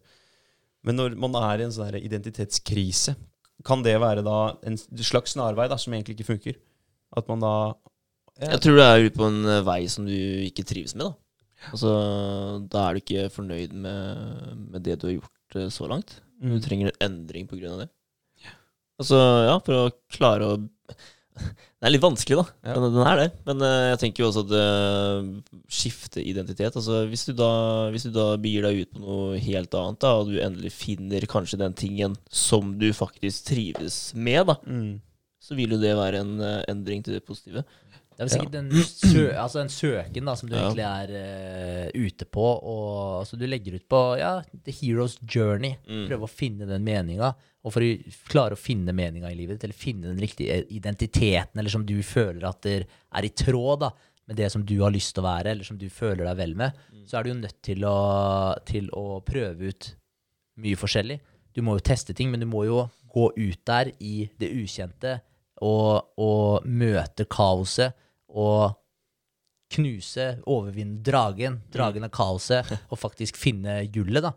Gullet ditt. Og det, og Det er ubehagelig. Det ubehagelig. Det er ubehagelig. Det er akkurat det det er. Men sitter du hjemme på, på sofaen, så kan du banne på at du aldri finner det. Så du må jo teste ut de forskjellige tinga og merke ok, men hva er det du faktisk eh, liker å gjøre litt. Men en annen ting er jo altså Hvis du først har havna i eh, den eh, identitetskrisa der, så, så, så er jo det veldig synd i utgangspunktet. Fordi jeg vil jo si da at da har du vært uheldig og ikke har riktig veiledning eh, fra du er liten. At du ikke har de riktige rollemodellene fra du er liten. Eh, jeg digga det han eh, eh, Matt Beardrow sa, i forhold til at du eh, Måten som du viser en ung helt hva, hva en uh, god karakter eller hva et bra menneske er, det er ikke å vise den lille helten all dritten som den skal unngå. Det er å vise den en helt som de kan leve opp til. Vise dem en, en, en, eh, menneske av uh, god karakter. Eksponere dem for historier av folk som har gjort bragder som ikke ligner noen ting. Da. Vise dem de ytterste eksemplene av hva det er som eh, kjennetegner et solid individ.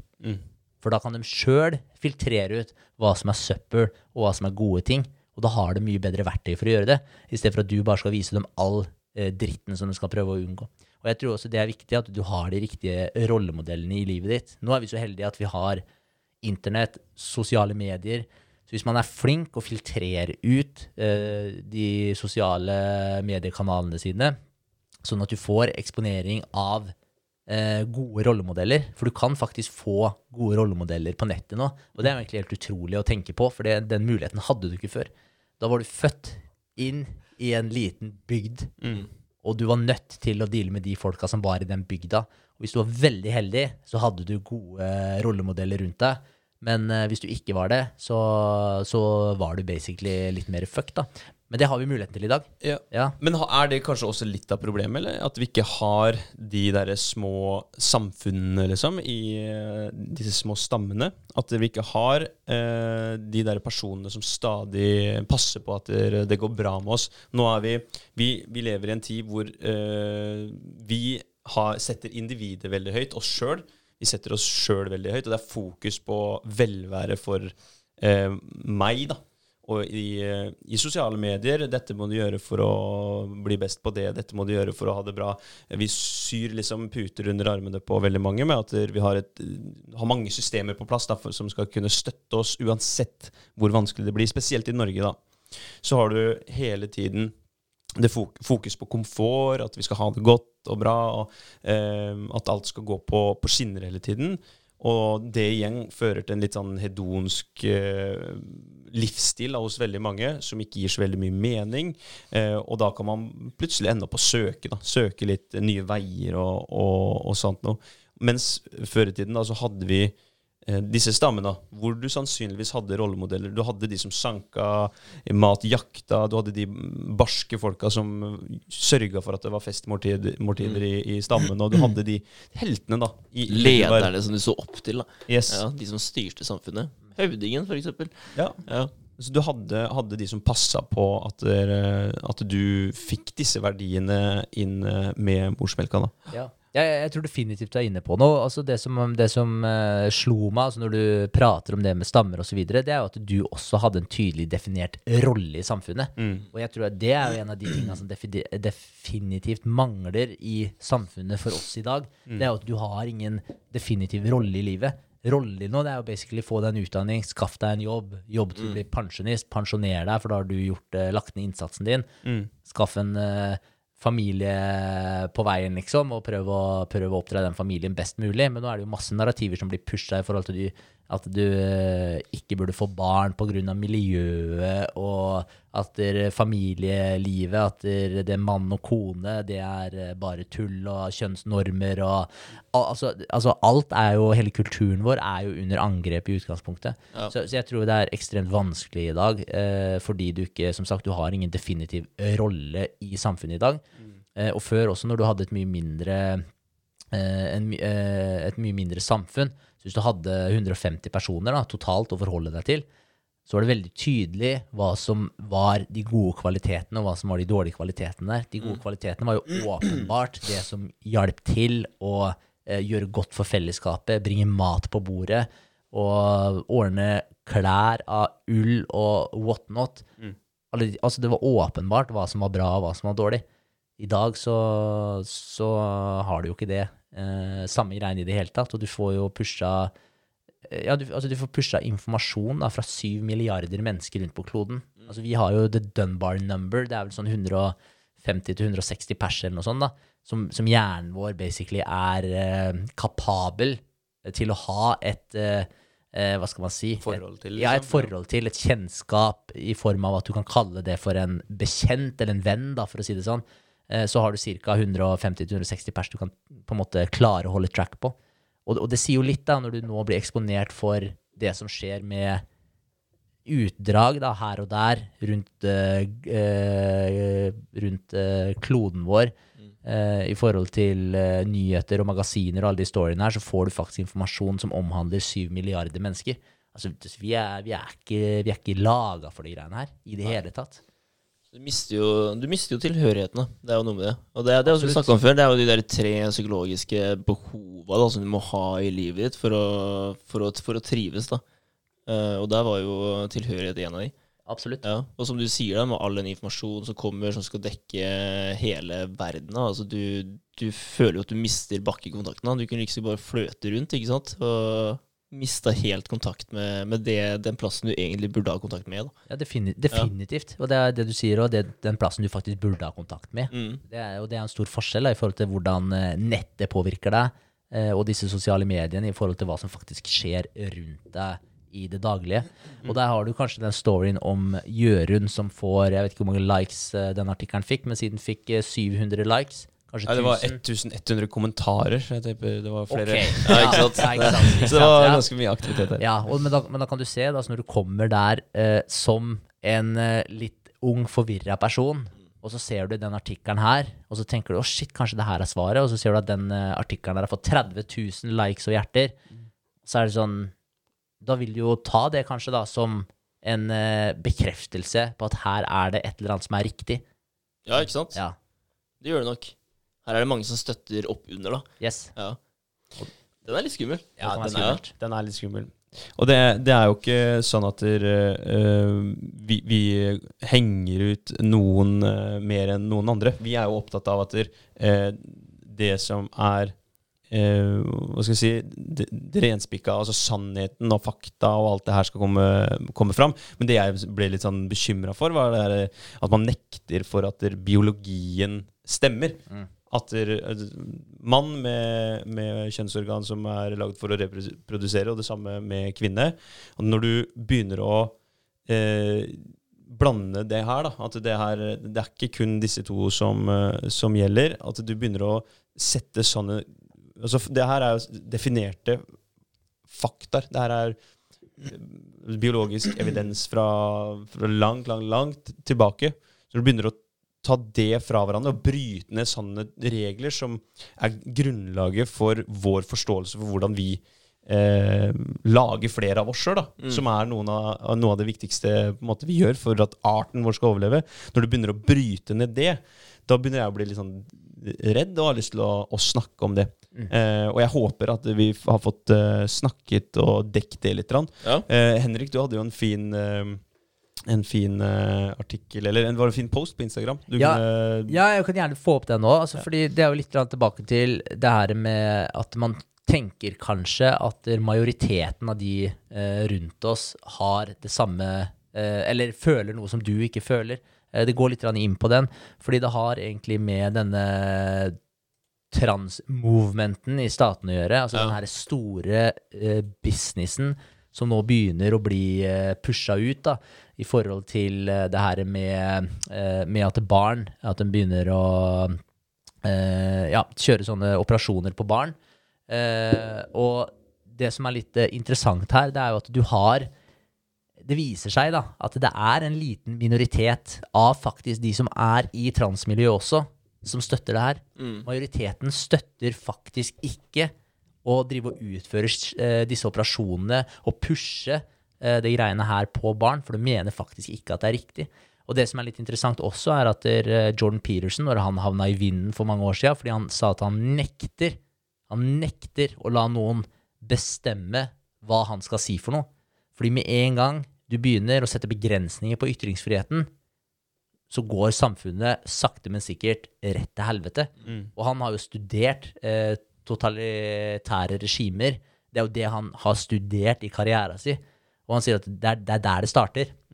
Da, da tråkker du over en grense som du aldri kommer tilbake fra, eller som du i hvert fall ikke kommer tilbake fra før det har blitt mye kaos på veien. Eh, og det kunne vi jo definitivt se også i det 19. århundre, med all galskapen som eh, skjedde da, både på ytre høyre og ytre venstre. Mm. så, så det som også var interessant, når han satte ned foten sin eh, og, og sa at det skjer ikke at jeg kommer til å kalle en, eh, en hann for en hund, eh, fordi det, det er imot biologien, og det er imot uh, basically alt han står for. Han fikk bare brev som var støttende av personer i transmiljøet også. Ja, ikke sant? Ja, kun støttende brev. Det var ingen som sendte han et hatbrev uh, på det tidspunktet her, da, hvor de var veldig imot det han sa. De støtta han 100% og de sa at det her står ikke vi for heller. Vi ønsker ikke det her. Vi ønsker bare egentlig å bare bli latt være i fred. Det er det vi ønsker. Ja. Så, eh, og da har du disse eh, som sagt igjen, disse veldig høylytte, den høylytte minoriteten som, eh, som skriker og skråler veldig mye. Men igjen, de representerer ikke majoriteten. Men jeg tror det er det veldig mange føler. da, at Hvis du har noen som er veldig høylytte, selv om det er en liten gruppe som er veldig høylytte, så virker det som at det er konsensus. Og da har man kanskje ikke lyst til å si det man mener, da. Selv om alle rundt det lunsjbordet sitter og mener akkurat det samme som det du gjør, så er det ingen som tør å si det. Fordi det er ingen som tør å initiere eh, den samtalen i utgangspunktet. Da, og da blir det sånn at man bare loffer etter. Men da tenkte jeg at det var litt eh, interessant å dra fram det eksempelet her også, for det er en Instagram-side som heter eh, Gays Against Groomers. Eh, og de har sånn 140 000 pluss følgere. Eh, og de la ut en eh, tråd som jeg tenkte jeg kunne lese, bare som er litt interessant i forhold til det vi prater om her nå, da. Eh, og det de sier, det er eh, Skal du dra den opp på For du får ikke trykka der, eller? Nei. Nei, du får dra over nettsida bare, da. Eh, Sånn. Ja, det de sier da, det er eh, De har da lagt ut en sånn uh, tråd på Instagram hvor man kan scrolle seg gjennom. Det er da altså Gays Against Groomers. Uh, og de skriver Gays Against Groomers is a coalition of gay people who oppose the recent trend of indoctrinating and sexualizing children under the guise of LGBTQIA+. Our community that once preached love and acceptance of others has been hijacked by radical activists who are now pushing extreme concepts onto society, specifically targeting children in recent years. The overwhelming majority of gay people are against what the community has transformed into, and we do not accept the political movement pushing their agenda in our name. Gays Against Groomers directly opposes the sex- sexualization of children. This includes drag queen story hours, drag shows involving children, the transitioning and medicalization of minors, and gender theory being taught in classroom. The activists, backed by school boards, government, woke media, and corporations, have been speaking on our behalf for too long.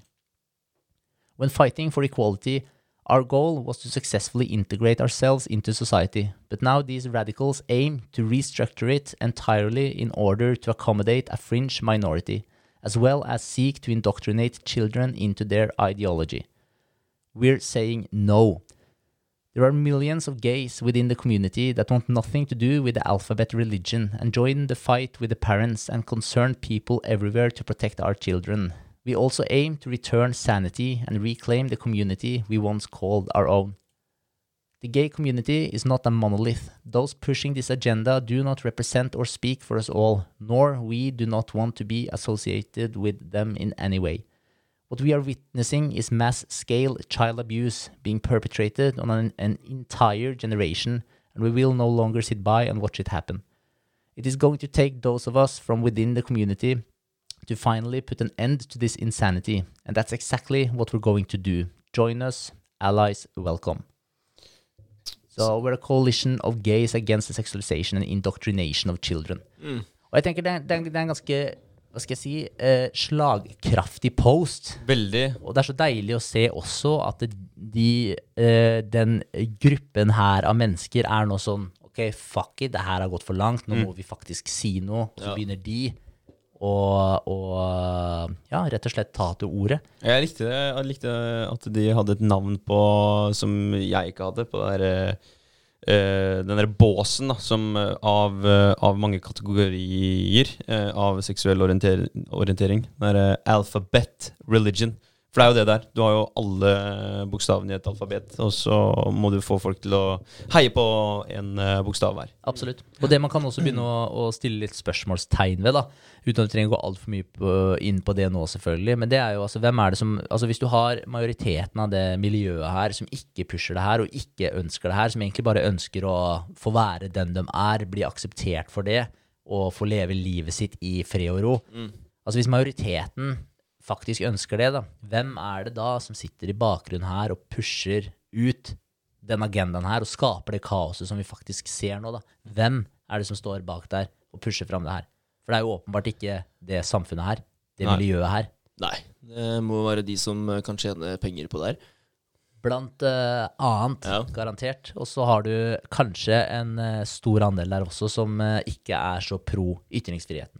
Mm. Fordi hva er det det her går utover?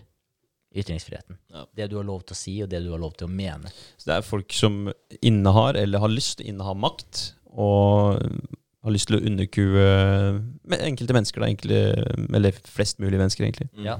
Før så var det de økonomiske klassene som var i fokus, og var det som eh, skapte kaos, da, for, eh, med tanke på at eh, noen var eh, undertrykkende, eller undertrykte andre, da, noen grupperinger hadde for mye makt i samfunnet og undertrykte andre. Så før så var det økonomiske klasser, nå er det ident ja, identifikasjonsklasser, eller hva du har lyst til å kalle dem, da. Så, så det er eh, samme agenda, forskjellige grupperinger. Ja. Og det er eh, skremmende å tenke på, men det er samtidig veldig positivt å se også at det er eh, at det miljøet også begynner nå å, å snakke ut, da, sånn at folk som har mye av den samme oppfatninga, inkludert oss tre, da, for misforstå meg rett, for jeg støtter, som, som jeg har prøvd å få fram i den podkasten her også, den samtalen her, at jeg, jeg støtter jo at folk må få være den du vil. Mm. Aksepter at folk er forskjellige, men ikke la det gå utover andre enn deg sjøl. Gjør akkurat hva du vil. Men uh, Så fair enough, liksom. Men at det er de som faktisk For åpenbart så har vi mye til felles av meninger her med den communityen her. Ja. Og da er det jo veldig fint at man faktisk kan gå sammen, da. For sammen er man faktisk sterkere. Det er fra hverandre man er svake. Hvis alle sammen skal drive og peke og skrike på hverandre i de små gruppene sine, men så er man egentlig enige om de underliggende prinsippene, så står man jo veldig svakt hvis ikke man klarer å eh, omforenes om de grunnleggende prinsippene som man i utgangspunktet er enig i. Mm. Og så kan de småtinga på toppen, da, eh, der hvor man faktisk har noen uenigheter, la dem være, da. De er ikke så jævla viktige. Men da akseptere at noen har noen forskjellige meninger enn deg sjøl. Kommer vi sikkert veldig langt med bare det. Det vil jeg også tro. Og det er viktig at man sjøl går en runde, runde med sitt eget eh, individ, Mm. og tar en runde med sin egen identitet. For det er også hvordan man, eh, hvordan man kan best mulig omgås med andre mennesker, er å være obs på ja, hva er identiteten min, hvilke, hvilke karakteristikker er det jeg innehar, hva er det jeg ønsker å inneha. Og så kanskje være litt åpen om det også, med i hvert fall partneren sin som man bor sammen med, så man kan lettere komme fram til ting med viten om at ok, eh, min partner har disse eh, karakteristikkene rundt sin personlighet, sin identitet. Så da kan vi kanskje mm, ta en prat eh, rundt det temaet om eh, denne virksomheten, eller denne virksomheten om dette temaet. At man har knagger å henge ting på, og at man lettere kan, kan kommunisere med hverandre. Da. Og da kan man også støtte hverandre under vanskelige tider, hvis man plutselig kommer innenfor en eller annen identitetskrise. Eh, og det er jo svart på hvitt innen psykologien at det, eh, under en selvidentitetskrise, da har du en usikker selvidentitet, eh, så forekommer det hyppig alvorlige personlighetsforstyrrelser. Eh, en opplevelse å miste sin identitet kan forekomme ved psykoser og av og til ved alvorlige, alvorlige hjerneskader eller sykdommer. Så det å være litt bevisst på sin egen identitet, og ikke vandre for langt vekk fra den man eh, er eller ønsker å være. At man i hvert fall er bevisst på det. Det tror jeg er viktig. Mm. Absolutt. Og jeg tenker også det med kommunikasjon, da. Hvor viktig det er faktisk å ha kommunikasjonen her i bånn. Mm. At man har eh, muligheten til å få ytre meningene sine. At man har muligheten, frihet, da, rundt å snakke om de temaene man ønsker. At man har en uh, viss takhøyde for at man kan være uenig om ting, men at det ikke betyr at man ikke kan diskutere dem for det. Og det går jo inn i et uh, parforhold. Det går inn i definitivt det vi har prata om her uh, i dag. Mm. Uten den debatten og uten den ytringsfriheten, så, så har vi faktisk ingenting. Altså Ytringsfriheten er et så sentralt prinsipp for et velfungerende samfunn at uten den så, så har vi faktisk eh, ingen verdens ting. Nei, da raser, ja. raser eh, det store korthuset sammen. Det, det gjør det når vi ikke har en ytringsfrihet. Det gjør det. det gjør det. Og um, jeg tenker egentlig at der, uh, vi burde runde av her, altså, fordi nå sprenger snart uh, blæra mi. Så Ja.